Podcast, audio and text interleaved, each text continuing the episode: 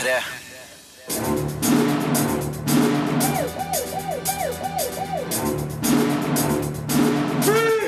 Filmpolitiet! What's your name, dude? Birger Vestmo. What kind of stupid name is that? Edge of Tomorrow er en eneste stor effektfest. Cathedrals of Culture er interessant om arkitektur. Transcendence skjemmes av en kjedelig Johnny Depp, mens Kule kryp er en overraskende god animasjonsfilm. I tillegg til de her filmpremierene anmeldes sesong to av Orange is the New Black. To av seriens stjerner, Taylor Schilling og Daniel Brooks, forteller om sesongen, som starter i dag, mens eh, Margaret Olin skal fortelle hvordan det var å jobbe med 3D for første gang i sitt segment av Cathedrals of Culture. Sist og definitivt ikke minst lanserer vi Filmpolitiets kortfilmpris 2014. Filmpolitiet. Filmpolitiet anmelder film. What I am about to tell you sounds crazy. And you have to listen to me. Your very lives depend on it. Tom Cruise skuffer sjelden. Han gjør det i hvert fall ikke med Edge of Tomorrow, som er effektdreven underholdning av god kvalitet. Så lenge man kjøper historiens tidsleik, som er umulig å ikke sammenligne med Groundhog Day, og ikke bryr seg veldig mye om logiske brister, byr filmen på solid science fiction med mye action og en spennende historie fortalt ved hjelp av gode figurer. Cruise hever filmen ved å gi 100 Historien er basert på den japanske tegneserien med den mye kulere tittelen All You Need Is Kill, som òg var denne filmens arbeidstittel før den ble endra til Veiker Edge of Tomorrow. Et stykke inn i fremtida er jorda invadert av aliens.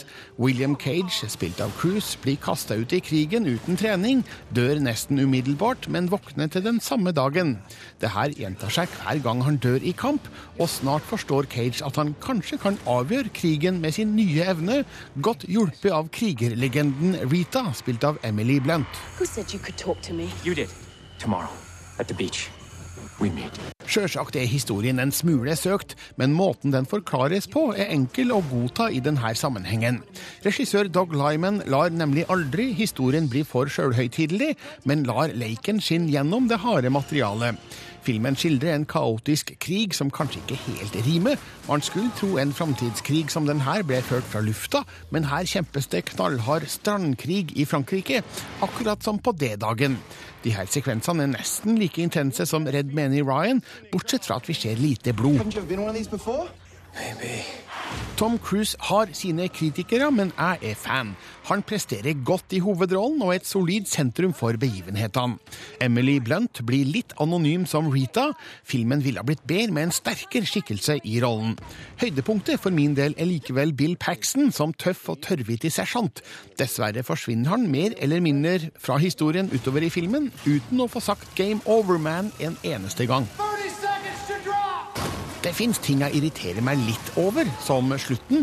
Her burde Lyman turt å gjøre filmen mørkere. Filmens aliens er heller ikke spesielt interessante, og dersom man tenker hardt over visse historieelementer, fins det ting man godt kan stusse over. Men jeg gjør det ikke, fordi Edge of Tomorrow er en eneste stor effektfest med en historie uten dødpunkter, og med en dreven og inspirert Tom Cruise i fokus. Terningkast fem. Filmpolitiets kortfilmpris. It's that time of the year. I dag lanserer vi Filmpolitiets kortfilmpris, som er et samarbeid mellom oss og Kortfilmfestivalen i Grimstad, som starter på onsdag og avsluttes neste mandag med stor prisutdeling, og der er en av prisene Filmpolitiets kortfilmpris på ett, nei, på 10 000 kroner. Marte Hedenstad, Morgen, morgen. du har um, sett gjennom alle de nominerte filmene som Ja. vi har plukka ut fra programmet til Kortfilmfestivalen i Grimstad. Mm. Nå skal vi fortelle hvilke som er nominert. Ja, her er det veldig mye bra. Eh, vi kan begynne med Vi kan kanskje begynne med litt eh, lyd og høre litt på hvilke filmer vi skal få, få høre på her nå, Birger. God aften, mine venner. Jeg kjem fra Hauganfjell i nord. Hva er det her, Marte? Det her er en utrolig trivelig kortfilm som heter Sing Lingeling. Eh, som finner sted i et klasserom i Telemark, der eh, fem små jenter bruker fritida si på å bevare norsk kulturarv og lære seg å synge stev. Eh, og denne filmen er da regissert av Åslaug Vaa og Anders Øvergård. Neste nominerte til Filmpolitiets kortfilmpris er en musikkvideo. På min tolvte fødselsdag, på dagens første klokkeslag, så tråkket jeg over en grense. For første gang så skulle jeg tørre å bli forelsket Jeg tror jeg gjetter hvem det her er, Marte. Yes, Det er nok selveste Lars Vaular med låta si 'Legender'. Stian Andersen har laget musikkvideoen til den eh, låta. Eh, Og her eh, blir vi da med på et litt sånt eh, svart-hvitt-aktig innblikk i Lars Vaulars oppvekst eh, i Bergen. Så skal vi over til en eh, ny kortfilm. Folk i Nesby tolererer ganske mye.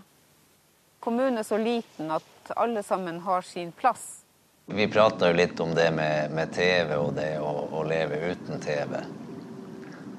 Men så, så har vi vel funnet ut at det her er jo vår eh, storskjerm. Portretter fra Varangerfjorden hørte vi lyd fra her. og det her er veldig vakre bilder fra en koselig kommune med trivelige folk, i regi Egil Pedersen. Neste nominerte til Filmpolitiets eh, kortfilmpris er nok en musikkvideo.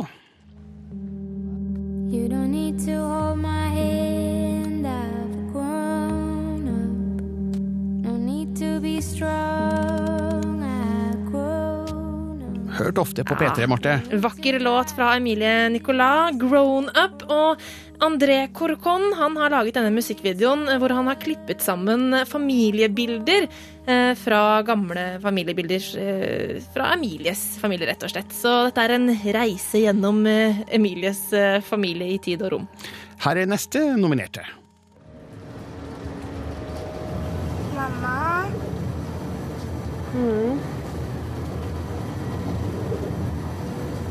Jeg lurer på om dere er født oss. Hvor er vi her, Marte? Her sitter vi på trikken eller toget eller banen eller noe sånt. Eh, Det er ikke så lett, hørte vi lyd fra her. Det er en sånn eh, litt eh, søt liten kortfilm som slår et slag for dagdrømmen og tar litt sånn tidsklemma på kornet. Regi er Tove Undheim. Og i neste nominerte så går alarmen. Hallo? Hallo? Hallo? Hallo, hallo, hallo, hallo. Du, du, kom. Det er ingen fare, var ikke redd. Det er ingen fare. Hva slags situasjon er det her, Marte? Det her er en situasjon hvor en eh, liten jente har fått med seg en lue ut eh, av en butikk på et kjøpesenter. Filmen heter Money Back Please, og det her er en kortfilm om fordommer og voksne som er fanga i ja, litt sånn fordomsfulle roller. Eh, Regi Even Hafnor. There goes my house, there goes my honey, Og dette er nok en musikkvideo, Marte. Yes, Real Ones in Lot Separation Blues. Eh, nok en video laget av André Corcon. Han er flink på eh, musikkvideoer, og her har han laga en lystig og leken eh, musikkvideo med bruk av stop motion. Den siste nominerte til Filmpolitiets kortfilmpris har vi ikke lyd fra, fordi den fikk vi rett før sending, men Yes. den ligger ut på nett. Det gjør den. How Do You Like My Hair heter den. Eh, regissert av Emilie Blikkenfelt. Blikkfeldt. Eh, og det her er en eh, personlig film om kroppshysteri og faktisk en litt sånn merkelig fascinasjon for neser. Eh, interessant kortfilm. Alle er altså nominert til Filmpolitiets kortfilmpris. Avstemninga pågår fra nå fram til ca. rundt lunsjtider mandag 16. juni, og senere samme kveld deles Filmpolitiets kortfilmpris på 10 000 kroner ut under kortfilmfestivalen i Krimstad. Filmpolitiets kortfilmpris. Dokumentarfilmen Cathedrals of Culture har premiere i dag, med Margaret Olin som en av regissørene. Rune Haakonsen anmelder. Filmpolitiet anmelder film. Sharon designed me based on an underlying idea of three interconnected pentagrams. Om bygninger kunne snakke, hva ville de fortalt oss? Det er utgangspunktet for den tyske regissøren Wim Wenders 3D-dokumentar om kulturbygg i Cathedrals of Culture. Det er kanskje like riktig å kalle dette et filmeksperiment. Wenders har i tillegg til seg sett bedt tre ulike regissører portrettere valgte bygg i halvtimeslange kortfilmer. Hvert portrett tar i bruk ulike virkemidler og ulike tilnærminger til problemstillingen for å granske arkitekturen og dens sjel. Og i ulik grad lykkes de fire regissørene å formidle en forståelse av byggenes funksjon og opphav. Felles er deres langsomme granskning av både form og mennesker. Churchill is reputed to have said that we shape our buildings and our buildings shape us. Filmstjerna og regissør Robert Redfords portrett av Salk-instituttet, bygd i 1962 i California, hvor han gjennom arkivbilder møter med nåværende forskere på det uavhengige instituttet og dvelende bilder av arkitekturen, har Margaret Olins utforskning av operaen ikke en like lang historie å vise til. Men Olins tilnærming til operahuset har mange likhetstrekk med Redford. Gjennom å se artistene som gir liv til kulturen, får også vi ta en del i bygningens sjel. Olin har også gitt selve bygget en stemme som snakker til publikum i kinosalen. Gjennom poetiske refleksjoner trer det langsomt frem et bilde av ikke bare et bygg, men en levende organisme som lever av menneskene som besøker, og de som arbeider i Bjørvika. At også Halden fengsel er ett av fire bygg, gir filmen som helhet et unikt norsk perspektiv. Fra familiehuset, idyllisk liggende i skogkanten innenfor fengselets omfattende naturområder, til isolasjonsvegger med ekskrementer på veggene. Filmen om Halden fengsel blir isolert sett også et politisk innlegg for Norges progressive kriminalomsorg med fokus på rehabilitering. Wim Wenders selv har gått inn i Berliner Philharmoni gjennom å rekonstruere arkitekten Hans Scharon og legge bilde av hans karakteristiske framtoning over de dvelende 3D-bildene, forsøker Wenders å nærme seg den bygningens sjel. Wenders er likevel blant de fire regissørene som i minst grad lykkes med sitt eget prosjekt. Cathedrals of Culture er et spennende filmeksperiment som i ulik grad lykkes med å lete frem sjelen til fire svært ulike kulturbygg. Den eksperimentelle formen fører til dels lange sekvenser og dveling ved detaljer som for utenforstående kan være unødvendige og ja, direkte kjedelige. Bruken av 3D i dokumentarfilm er fortsatt et helt nytt felt. Men som med Wenders forrige dokumentar 'Pina' og Wenders gode venn Werner Herzog sin utmerkede hulemalingsdokumentar 'Cave of Forgotten Dreams', viser filmen 'Cathedrals of Culture' at denne teknologien har mye å tilføre sjangeren. I am a house. That's all. Until you step into me. Until you step onto me. Until your voice echoes in my corridors. Until I feel the lightness of your feet. Until then, I am a house.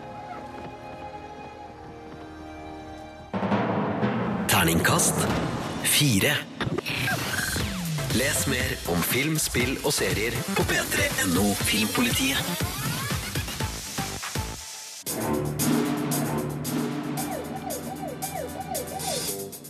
Margrethe Olin er kjent for sine dokumentarfilmer 'De mjuke hendene', 'Kroppen min', 'Ungdommens råskap' og de andre, og også for spillefilmen 'Engelen'. Nå er hun en av regissørene som portretterer arkitektur i eh, dokumentarfilmen 'Cathedrals of Culture'.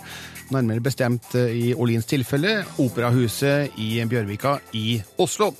Jeg har eh, møtt Olin, og hun forklarer hvordan hun fikk jobben. Jeg ble kontakta av tyske produksjonsselskapet Neue Road Movies, som er Wim Wenders produksjonsselskap. Dette er jo hans konsept, som han har utvikla, og, og de som er hovedprodusent. Og det starta nok eh, et par-tre år tilbake, og etter hvert så har ulike eh, reginavn kommet med. Og så fikk jeg da en telefon, en henvendelse fra de, og, jeg hadde da en blind date med tyske produsenten på Operaen, for de spurte da om jeg kunne tenke meg å portrettere Operahuset. Og da hadde de gjort sin research, de hadde sett mine filmer og tatt noen telefoner og ringt litt rundt for å finne tak i meg, tror jeg. Og ble da presentert for prosjektet og takka ja til det. Men hva lød oppdraget på? Film et bygg? Eh, Det er jo dokumentarer i 3D. Eh, Og Wim har gjort eh, Pina, denne dansefilmen, som jeg syns var helt fantastisk når den kom. Han gjør også sin nye dramaproduksjon i 3D. Så det er klart at eh, Noy Road Movies er innovatører innenfor å bruke 3D på en annen måte enn sånn som vi vanligvis tenker 3D, som er mye effektmakeri. Eh, og, men oppdraget lød sånn Hvis bygninger kunne snakke, hva ville de ha å si oss? Eh, Men jeg står veldig fritt i forhold til hvordan jeg vil angripe det, hvilken film jeg vil lage. Eh, Og det er ikke et nærstudie i arkitektur, det var, det var det ikke. Men det er hvordan bygget forholder seg til, til de menneskene som er rundt og i dette bygget. Men på hvilken måte portretterer du menneskene i, i bygget eh, via bygningen sjøl? Ja, du må nesten se filmen, veit du. Men jeg tenker jo at det som er spesielt med Operahuset i Oslo i forhold til andre, det er det at innsiden og utsiden er like. De er like viktige. Eh, en av de første tingene jeg gjorde når jeg fikk dette tilbudet, var å intervjue de som har skapt det, altså Snøhetta. Eh, og spurte hvilke tanker de hadde som lå bak utformingen av, av bygningen. At det er et bygg som du kan eh, gå til og få noe ut av uten at du nødvendigvis skal inn og se en operaforestilling. Operahuset har jo blitt Norges eh, hovedturistattraksjon, nummer én, ikke sant. Eh, Og de var da opptatt av de sosialdemokratiske verdiene, og vår fremste verdi er likhet. Eh, Og denne jevnbyrdigheten i husets innside og utside. Det er jo sånn at det kommer faste morgenbadere som hopper fra marmoren og ut til Oslofjorden. Det er tai chi-gruppe som står og tar ned og sender ut energi på taket. Eh, Folk eh, har date nede på operaen. Eh, Skoleklasser drar dit. Der alle turister må, må se dette bygget. Så det er det ene aspektet.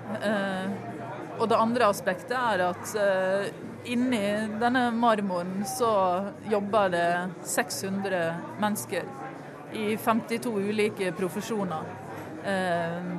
Eh, det er skapes eh, kunst og håndverk der på et toppnivå i, i Europa. Uh, og det å gå inn og se på den kunnskapen, den ekspertisen uh, De har noen av verdens beste ballettdansere der, Uh, sangere som kommer med sine gjesteopptredener, og også sangere som er fast på huset. Så det er jo et, et fantastisk sted for å lage en film. Eh, så det handler jo mer om å ta noen djerve valg, fordi man må avgrense det. Vi hadde fem opptaksdager. Det er du sjøl som er bygningens røst og fortellerstemme. Hvordan har du forfatta frem eh, det bygningen har å si? Ja, eh, jeg inviterte med meg Bjørn Olav Johannessen, som er en av våre fremste manusforfattere. Og han sa ja, og vi har vært nede på operaen sammen. Han var også med når vi filma mye av tiden. Eh, og så har vi sammen skrevet denne voicen. Og det er jo basert på det inntrykket vi fikk når vi var der. Det å snakke med de menneskene som jobber der, og snakke med de som eh, besøker det. Og så er det jo selvfølgelig en fiktiv narrativ, da. At vi har skrevet en voice som vi tenker hvis Operahuset hadde noe å si oss, hva ville Operahuset ha sagt? Og det er denne voicen. Hva vil du si din film sier om operabygget i Oslo?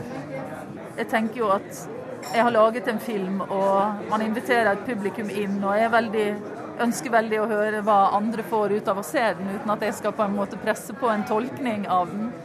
Um, men min opplevelse av Operahuset er jo at Oslo har fått en bygning som innbyggerne i Oslo er veldig glad i. Eh, og det vil man også være etter å ha sett denne filmen. Men at da har det flere dimensjoner enn at det er en fantastisk fasade. Som i seg selv er tiltrekkende. Vi har jo plutselig en White Cathedral i Oslo. Eh, min, mitt inngang, eller ja, min inngang til dette er jo også at jeg for ti år siden var mye i dette området og filma blant tunge rusavhengige og prostituerte. Eh, og dette var eh, et område i Oslo som er prega av død ikke sant? og husløse. Det at det ligger i grunnen under operahuset, og hvordan kunsten hele tida tar sitt utgangspunkt i virkeligheten. Så jeg har nok tematisert dette med virkelighetens tragedier og de tragediene vi løfter opp på scenen. Eh, Så dypest sett så handler filmen min om død. Den handler også om eh, Vi kan tenke at dette huset, Operaen i Oslo, skal bli stående her i 400 år. Det er den levetiden man har tenkt. De menneskene, de 600 som jobber der, de som kommer og besøker dette huset, livene våre er så mye kortere. Så hva er det dette bygget er i forhold til våre liv, ikke sant? Eh, så det er en, det er en tematis, eh, tematisering av, av forgjengelighet.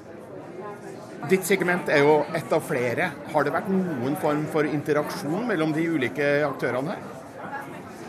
Eh, Ja, det har det vært. Det har vært eh, workshops innledningsvis, men det var før jeg kom om bord. Og så er det jo sånn at Vim har, har forfatta en tekst om konseptet som eh, vi andre har eh, fått tildelt, da, og forholde seg til på den måten man ønsker. Eh, Og så er det jo også sånn at alt etterarbeidet på filmene har vært gjort i, her i Tyskland. Eh, Alt, alt bildeetterarbeidet, eh, 3D-justeringer og grading, og også lydetterarbeidet. Eh, Og så er jo filmene satt sammen til en helhet, sånn at i forhold til rekkefølge på filmer. Så det har jo vært en, en nær kommunikasjon gjennom etterarbeidet. Men hva har vært kongstanken til Wim Wenders her med å samle disse filmskaperne, inkludert deg, til å lage film om bygninger? Jeg tror at hans tanke er noe om at byggene eh, Altså, vi har Filharmonien i Berlin. Vi har eh, Nasjonalbiblioteket i Russland. Vi har Operaen i Oslo. Vi har Halden fengsel, så Norge har jo to bygninger. Vi har eh, Salt Institute i California eh, og Pompidou Center i Paris. Eh, altså Utformingen av disse konstruksjonene, disse byggverkene, sier jo noe om kulturen, tiden de har oppstått i. Eh, så de reflekterer en tid, de reflekterer oss. Men måten vi bruker de på, sier jo også noe om vår kultur, vår ivaretagelse av kunst. Dette er jo kulturbygninger, 'cathedrals of culture'. Hva betyr kulturen for oss i vår tid? Så når du setter deg ned og ser disse filmene, eh, seks i en rekke, så er det å være med på en kulturell reise i Europa, og så får du en tur til Solk Institute. Eh, Jeg så disse filmene første gang samla, og alle filmene på fredag. eh, Og ble veldig berørt av det. Jeg syns Robert Redford sin episode var helt nydelig. Han har også musikk av Moby. Så rent musikalsk så er det også et verk, da. Og hvordan han eh, visuelt eh, har bygd opp sin film. Men det er helt klart, de har valgt regissører som har tydelige stemmer. Eh, Noen av de andre dokumentaristene som er med, som danske Michael Madsen og Glavåger, eh, som jeg har virkelig sett opp til arbeidet der i mange år. Jeg har vært med å gi Glavåger en pris når jeg satt i juryen i Copenhagen Docs, som gjør fantastiske ting.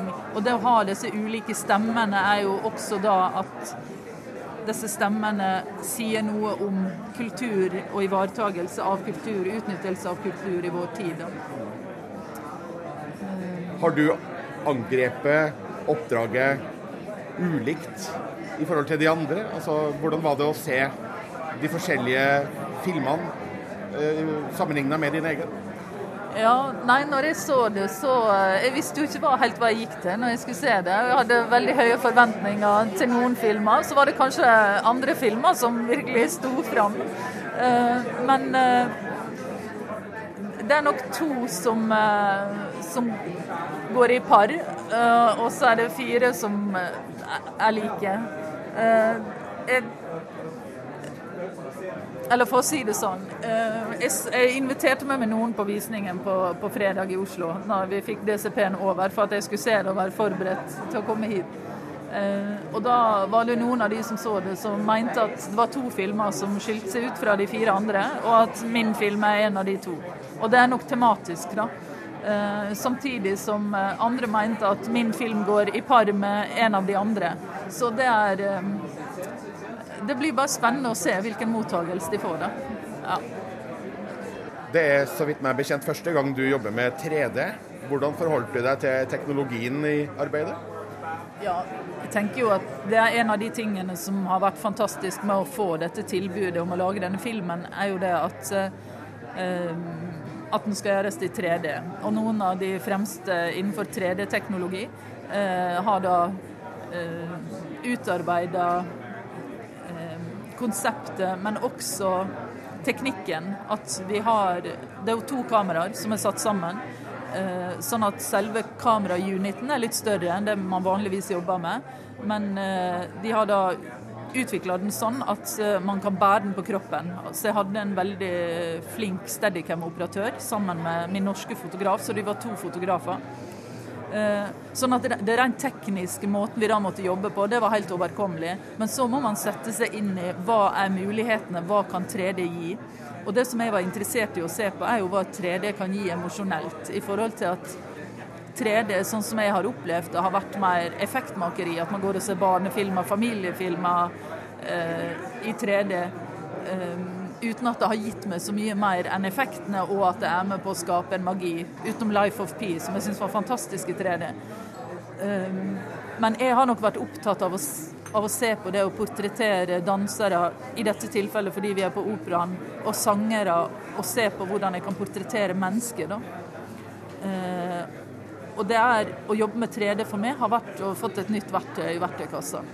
Eh, film er jo et språk. Du lærer et språk som du behersker, og som du utvikler, og som du forteller historiene dine med. Og jeg har fått noe nytt i mitt vokabular. Eh, og jeg syns dette var så herlig å jobbe med at jeg har lyst til å gå videre med det. Så jeg planlegger jo nå min nye helaftens dokumentar i 3D. Og så får jeg se om jeg får det sammen, både økonomisk og alt det som skal til rundt det. Det sa Margaret Olin, som er en av regissørene av dokumentarfilmen Cathedrals of Culture. Anmeldelsen av den finner du på våre nettsider p3.no filmpolitiet. Filmpolitiet anmelder film. The path to building superintelligence requires us to unlock the most fundamental secrets of the universe. Alt skulle ligge til rette for en intelligent science fiction-historie. Christopher Nolan er en av produsentene bak hans faste fotograf Wally Feasters regidebut. Transcendence er pen og velgjort, og stiller innledningsvis noen store spørsmål om hva som utgjør et menneskes sjel. Men det viser seg etter hvert at filmen ikke er interessert i å prøve seg på et svar, samtidig som Johnny Depp gjør en av sin karrieres sløveste roller. Det er i stor grad med på å gjøre Transcendence til kun et bleikt utkast til hva filmen kunne ha blitt. Dr. Will Caster, spilt av Johnny Depp, forsker på kunstig intelligens sammen med kona Evelyn, spilt av Rebecca Hall. Når Will har kun få uker igjen å leve, lykkes de i å laste opp bevisstheten hans til en datamaskin. Her utvikles intelligensen hans i lynraskt tempo, og Evelyn starter bygging av et forskningssenter med store planer. Men er det virkelig Will som styrer det hele, eller er det bare en datamaskin? Filmens utgangspunkt er altså interessant. Er det virkelig Wills bevissthet som står bak, eller er det en datakopi? Interessen pirres av mulighetene som dukker opp, men skuffelsen er desto større når det etter hvert viser seg at det her ikke utforskes i særlig grad. I stedet blir det effektfull action, som er pent utført, men som ikke har den samme grad av smartness som filmens anslag bærer lovnad om. It's evolution. This isn't evolution. It's an abomination. Av og til tyr Fister til overforklaringer på det som skjer. Noen av figurene er utstyrt med unødvendig dialog når publikum sjøl er i full stand til å legge sammen to og to. Andre ganger må figurer konkludere ting når de egentlig ikke kan ha tid eller mulighet til å forstå det som skjer. Det her er detaljer fra Jack Paglans ujevne manus, som en mer dreven regissør kanskje ville ha styrt unna, men som debutant Feaster gjør som en slags nybegynnerfeil. Rollen som parets beste venn og medhjelper, Max, spilles av Paul Bettany. Han ser nok òg ironien i å spille mot en datamaskin, all den tid han sjøl er mest kjent som stemmen til Jarvis i Iron Man-filmene. Rebecca Hall gjør en emosjonelt sterk rolle som Evelyn, omstendighetene tatt i betraktning. Men Johnny Depp virker å spille helt uten inspirasjon eller engasjement. Jeg tror aldri jeg har sett han så kjedelig som i Transcendence, noe filmen lir sterkt under. If we don't stop him, it will be the end of mankind as we know it.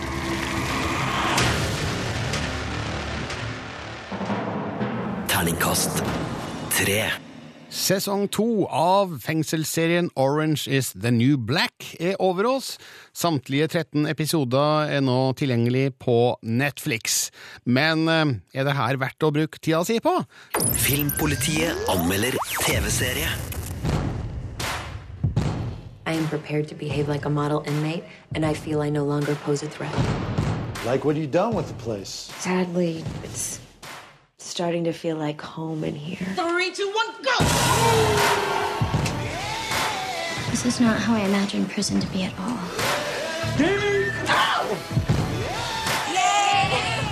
A woman I knew a long time ago came back in yesterday. Velkommen til deg, assosiert medlem av Filmpolitiet, Sigurd Vik. Takk for det, Digger. Eh, altså For de som ennå ikke vet helt hva Orange is the New Black er for noe, kan du beskrive serien? Eh, Ja, det er en eh, kvinnefengselsserie der vi følger hovedpersonen Piper Chapman, som er en eh, sånn hvit, litt sånn selvrettferdig forstadsjente som i starten av 20-årene eh, hadde litt sånn spenning i livet sitt og var med og smugla noen narkotikapenger. Og i 30-årene, ti år senere, så ble han navngitt, arrestert og dømt til 15 måneder i Litchman, nei, Litchfield kvinnefengsel. Og er jo ikke vant med fengselslivet, så det her byr jo da i sesong én på en del sånn tilpasningsproblemer og en del utfordringer for denne uh, Piper. Uh, så det er liksom greia, og så blir vi jo kjent med de andre damene i fengselet, og livet der, selvfølgelig. Ja, Er det noe utvikling og spor i sesong eh, to? Ja. Fordi sesong én var liksom basert på en sann historie. Det var en dokumentarbok på en måte som lå til grunn. Ikke at det var akkurat sånn, men det var liksom noe å forholde seg til. Og hun slapp jo ut etter et års tid, hun i virkeligheten. Men det som skjedde i slutten av sesong én, var jo at vi oppdaga at det ikke sikkert kommer til å gå så bra med hun her Piper Chapman. Hun begynte rett og slett å eh, leve fengselslivet litt eh, veldig bra. Skaffa seg en sånn shank, vet du, sånn som man skal ha hvis man skal klare seg. En slags kniv? En slags kniv, og endte jo opp i slutten av sesongen med å dælje løs i bedehusgliset til ei lita sånn der gladkristen hyperberte som prøvde å ta livet av henne.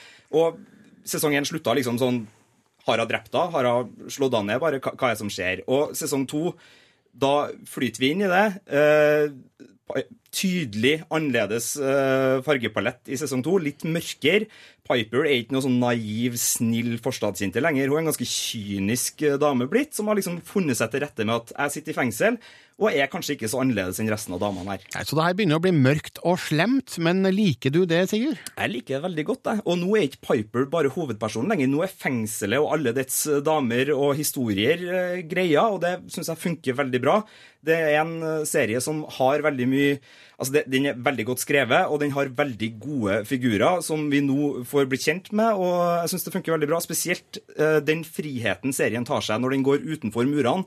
Forteller bakhistoriene til de her damene i sånne eh, episodiske flashbacks. Mye bedre denne gangen, syns jeg. Der har serien utvikla seg veldig bra.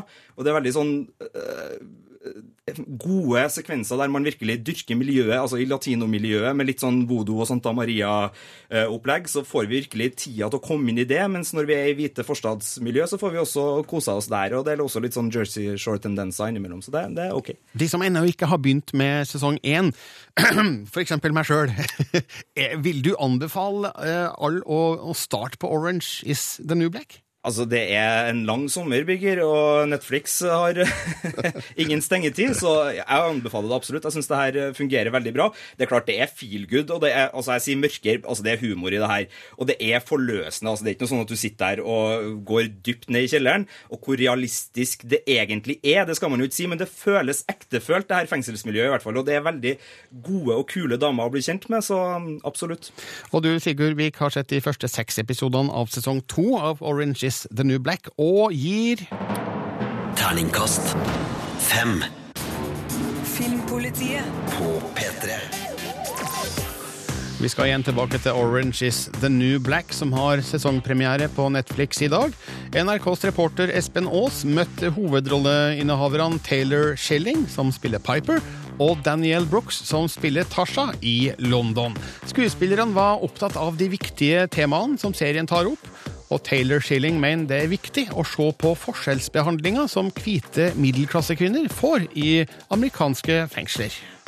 Piper being a middle class, you know, person walking in there, I think that that um, dichotomy and the, the the conversation that it opens up between Piper and the you know some of the other prisoners, the fact that she's this middle class white lady with all these resources, and that we get to see that those resources don't exist for a lot of the other people that she's incarcerated with, and how unjust that is, and. Um, you know, I think like she's a kind of an entry point into seeing what's happening unfairly in our criminal, at least in the state's criminal justice system. It's she's sort of she's a window into a world, and um, it's really they're important stories. It's really important to see kind of what's behind these people that we deem. I guess I guess they're. It's hard to even say this word, but I guess they're Mhm. criminals. Yeah. I mean, they're being seen as criminals when in reality Mhm. we get to see that it's that they don't have you know they don't have the resources a lot of a lot of the people a lot of the women that piper's incarcerated with don't have the resources that she has and um, as a white woman with money she's able to uh, you know she has a much re- further reduced prison sentence and you know a different experience than a lot of the other women do. But is it a series about like gender, uh, ethnicity, sex, or uh, like male female, uh, or um, prison system? What, what do you think is the most important story to tell here? Because you have all these elements. There's one important story. I Yeah. think they're all valid in their way. They're Yeah. right. You know, I think Gingy gives us an opportunity to talk about the prison system and like let's talk about it. Let's talk about race. Let's talk about abuse. Let's talk about gender, transgender. Let, like let's get into it. You know, and I and I love that you know Taylor can sit here, being an American, African American, be here and sit here and talk about you know her experience as a white woman in playing this role. Like, let's not look over it. So Yeah. I feel like it's not one over the other. I think they're all valid. Yes. And I think and I think that's the beauty of the show that every story. I mean, I think we really get to see that in, in even in episode one of season two. Like every backstory, every single like the the the white lady is rich is like we see her story, which we see oftentimes in popular culture, but we get every single race, every single gender, every single orientation is treated as a person. We're not looking at like issues, we're looking at characters. Mhm. And I think it's a conversation that is important. At least me personally, I, I believe that as I a person, so, as, as, as I, I believe that, and I think that that's what's so cool that Genji is doing. Genji Cohen, who created the show, is opening up those conversations because it's especially about race. We don't have that conversation in America, and it is one that not like needs we sh- need to. yeah, it's one that needs that needs. There's a lot of work to do. Filmpolitiet På P3. Det sa Taylor Schilling og Daniel Brooks om Orange is the New Black sesong to, der de spiller to av de viktigste rollene. Reporter var Espen Aas, og anmeldelsen av eh, sesong to finner du på p3.no skråstrek filmpolitiet. Filmpolitiet anmelder film.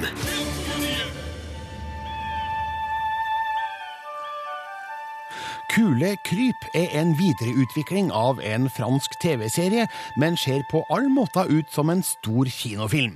Virkelig og majestetisk natur er bakteppet for en nydelig liten historie med animerte figurer, nemlig ei marihøne og en gruppe maur. Den gode 3D-bruken er spesielt verdt å legge merke til, samt at hele historien fortelles uten ett eneste ord. Kule kryp er en overraskende god animasjonsfilm for absolutt hele familien. Ei nyfødt marihøne kommer bort fra familien sin og søker tilflukt i en gjenglemt lunsjboks som er full av sukkerbiter. En gruppe maur oppdager òg denne herligheta og vil frakte innholdet til maurtua si, men når hele aksjonen trues av aggressive røde skogsmaur, kommer marihøna inn som uventa hjelper. Historien er veldig enkel, men søker et bredt publikum, inkludert de aller yngste, og trenger ikke være mer avansert enn den er. Alt fortelles uten et ord. Vi er vant til animerte småkrypfilmer der alt snakker kjekt og breialt. I Kule kryp fortelles alt gjennom det visuelle, der filmskaperne utviser stor oppfinnsomhet. Maurene, marihøna og andre kryp uttrykker seg med lyder. Hovedmauren høres ut som en dommerfløyte, mens marihøna lager lyder som en 17. mai-tuter. Det er kanskje simpelt, men fungerer. Vi forstår hva figurene mener med lydene sine. Filmen presenteres i 3D, og bruken er smakfull. Her får mange av bildene hvile såpass at man rekker studere dybden skikkelig, spesielt i flere store oversiktsbilder fra sørfransk natur. Det gjør imidlertid òg at fremdrifta ikke alltid er like god. Filmens spilletid er bare på 1 time og 29 minutter, men kunne kanskje med fordel vært snaua enda noen minutter. Men det skjer nok til at også de aller minste kinogjengerne sannsynligvis får nok å være opptatt av.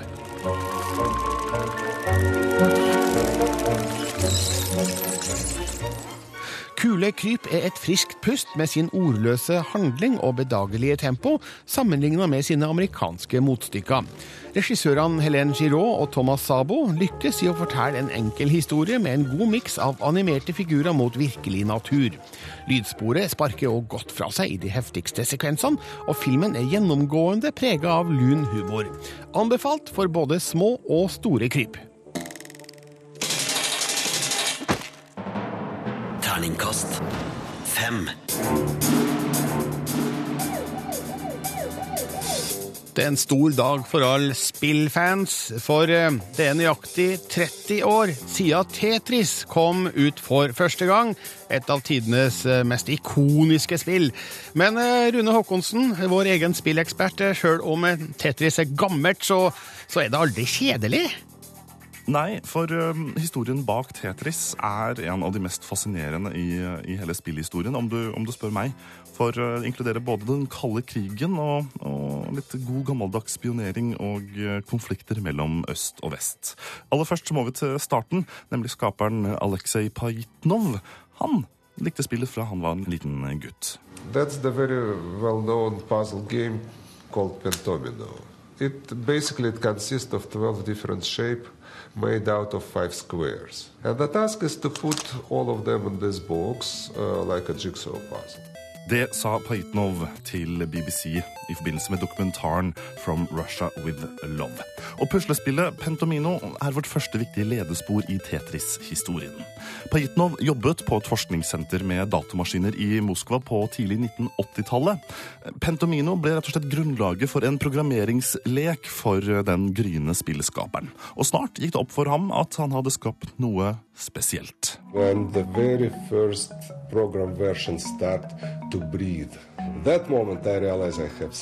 Really. Og i løpet av kort tid blir en tidlig versjon av Tetris spredd rundt i Moskva. Som ild i tørt gress, egentlig. Og derfra så sprer spillet seg videre gjennom kopiering til nærmest alle land øst for jernteppet. Men til Vesten Nei, det var nemlig ikke så lett å selge og kjøpe programvare og produkter under den kalde krigen. We didn't have the idea that the software is something which is could be considered as a product or be sold or protected or whatever. Tidlig på 80-tallet var det få punkter hvor handel mellom øst og vest kunne foregå. Men i Ungarn så oppdaget forretningsmann Robert Stein et rart spill på en liten maskin i et hjørne av en butikk. Han reiste så rett til Moskva for å forhandle frem en avtale om å ta Tetris med til Vesten. Aleksej Pajitnov, han som fant opp Tetris, forteller. About something like 10,000 pounds for it as advance payment. I reply him that we are interested in his proposal and ready to continue kind of talk talk about this and he interpret this facts as a as a agreement on everything. Skjær i sjøen. Salg av programvare måtte nemlig gå gjennom den russiske staten, og plutselig ble Tetris materiale for stormaktspolitikken. Robert Stein forteller. As we are about to launch the damn thing, we get a telex from a company called Elorg, and they have never given us permission to do it. They shown an absolute distrust of whatever I was saying. Why did we do what we done without their permission?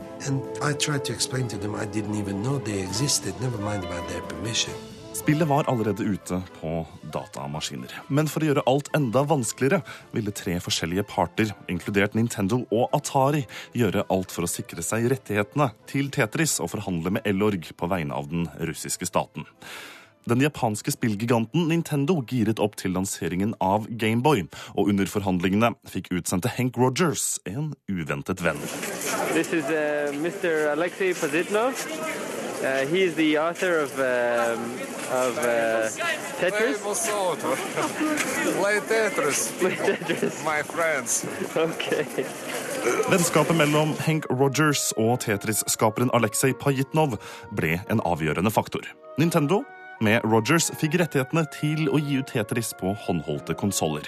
Allerede året etter var salgssuksessen Gameboy et faktum. We signed, and the, big boss, Dr. Trifonov, came out and shook my hand with this iron fist, iron grip, whatever. And uh, we signed, and it was all done. And they said, "There's Mr. Rogers. Something else we'd like you to to talk to you about.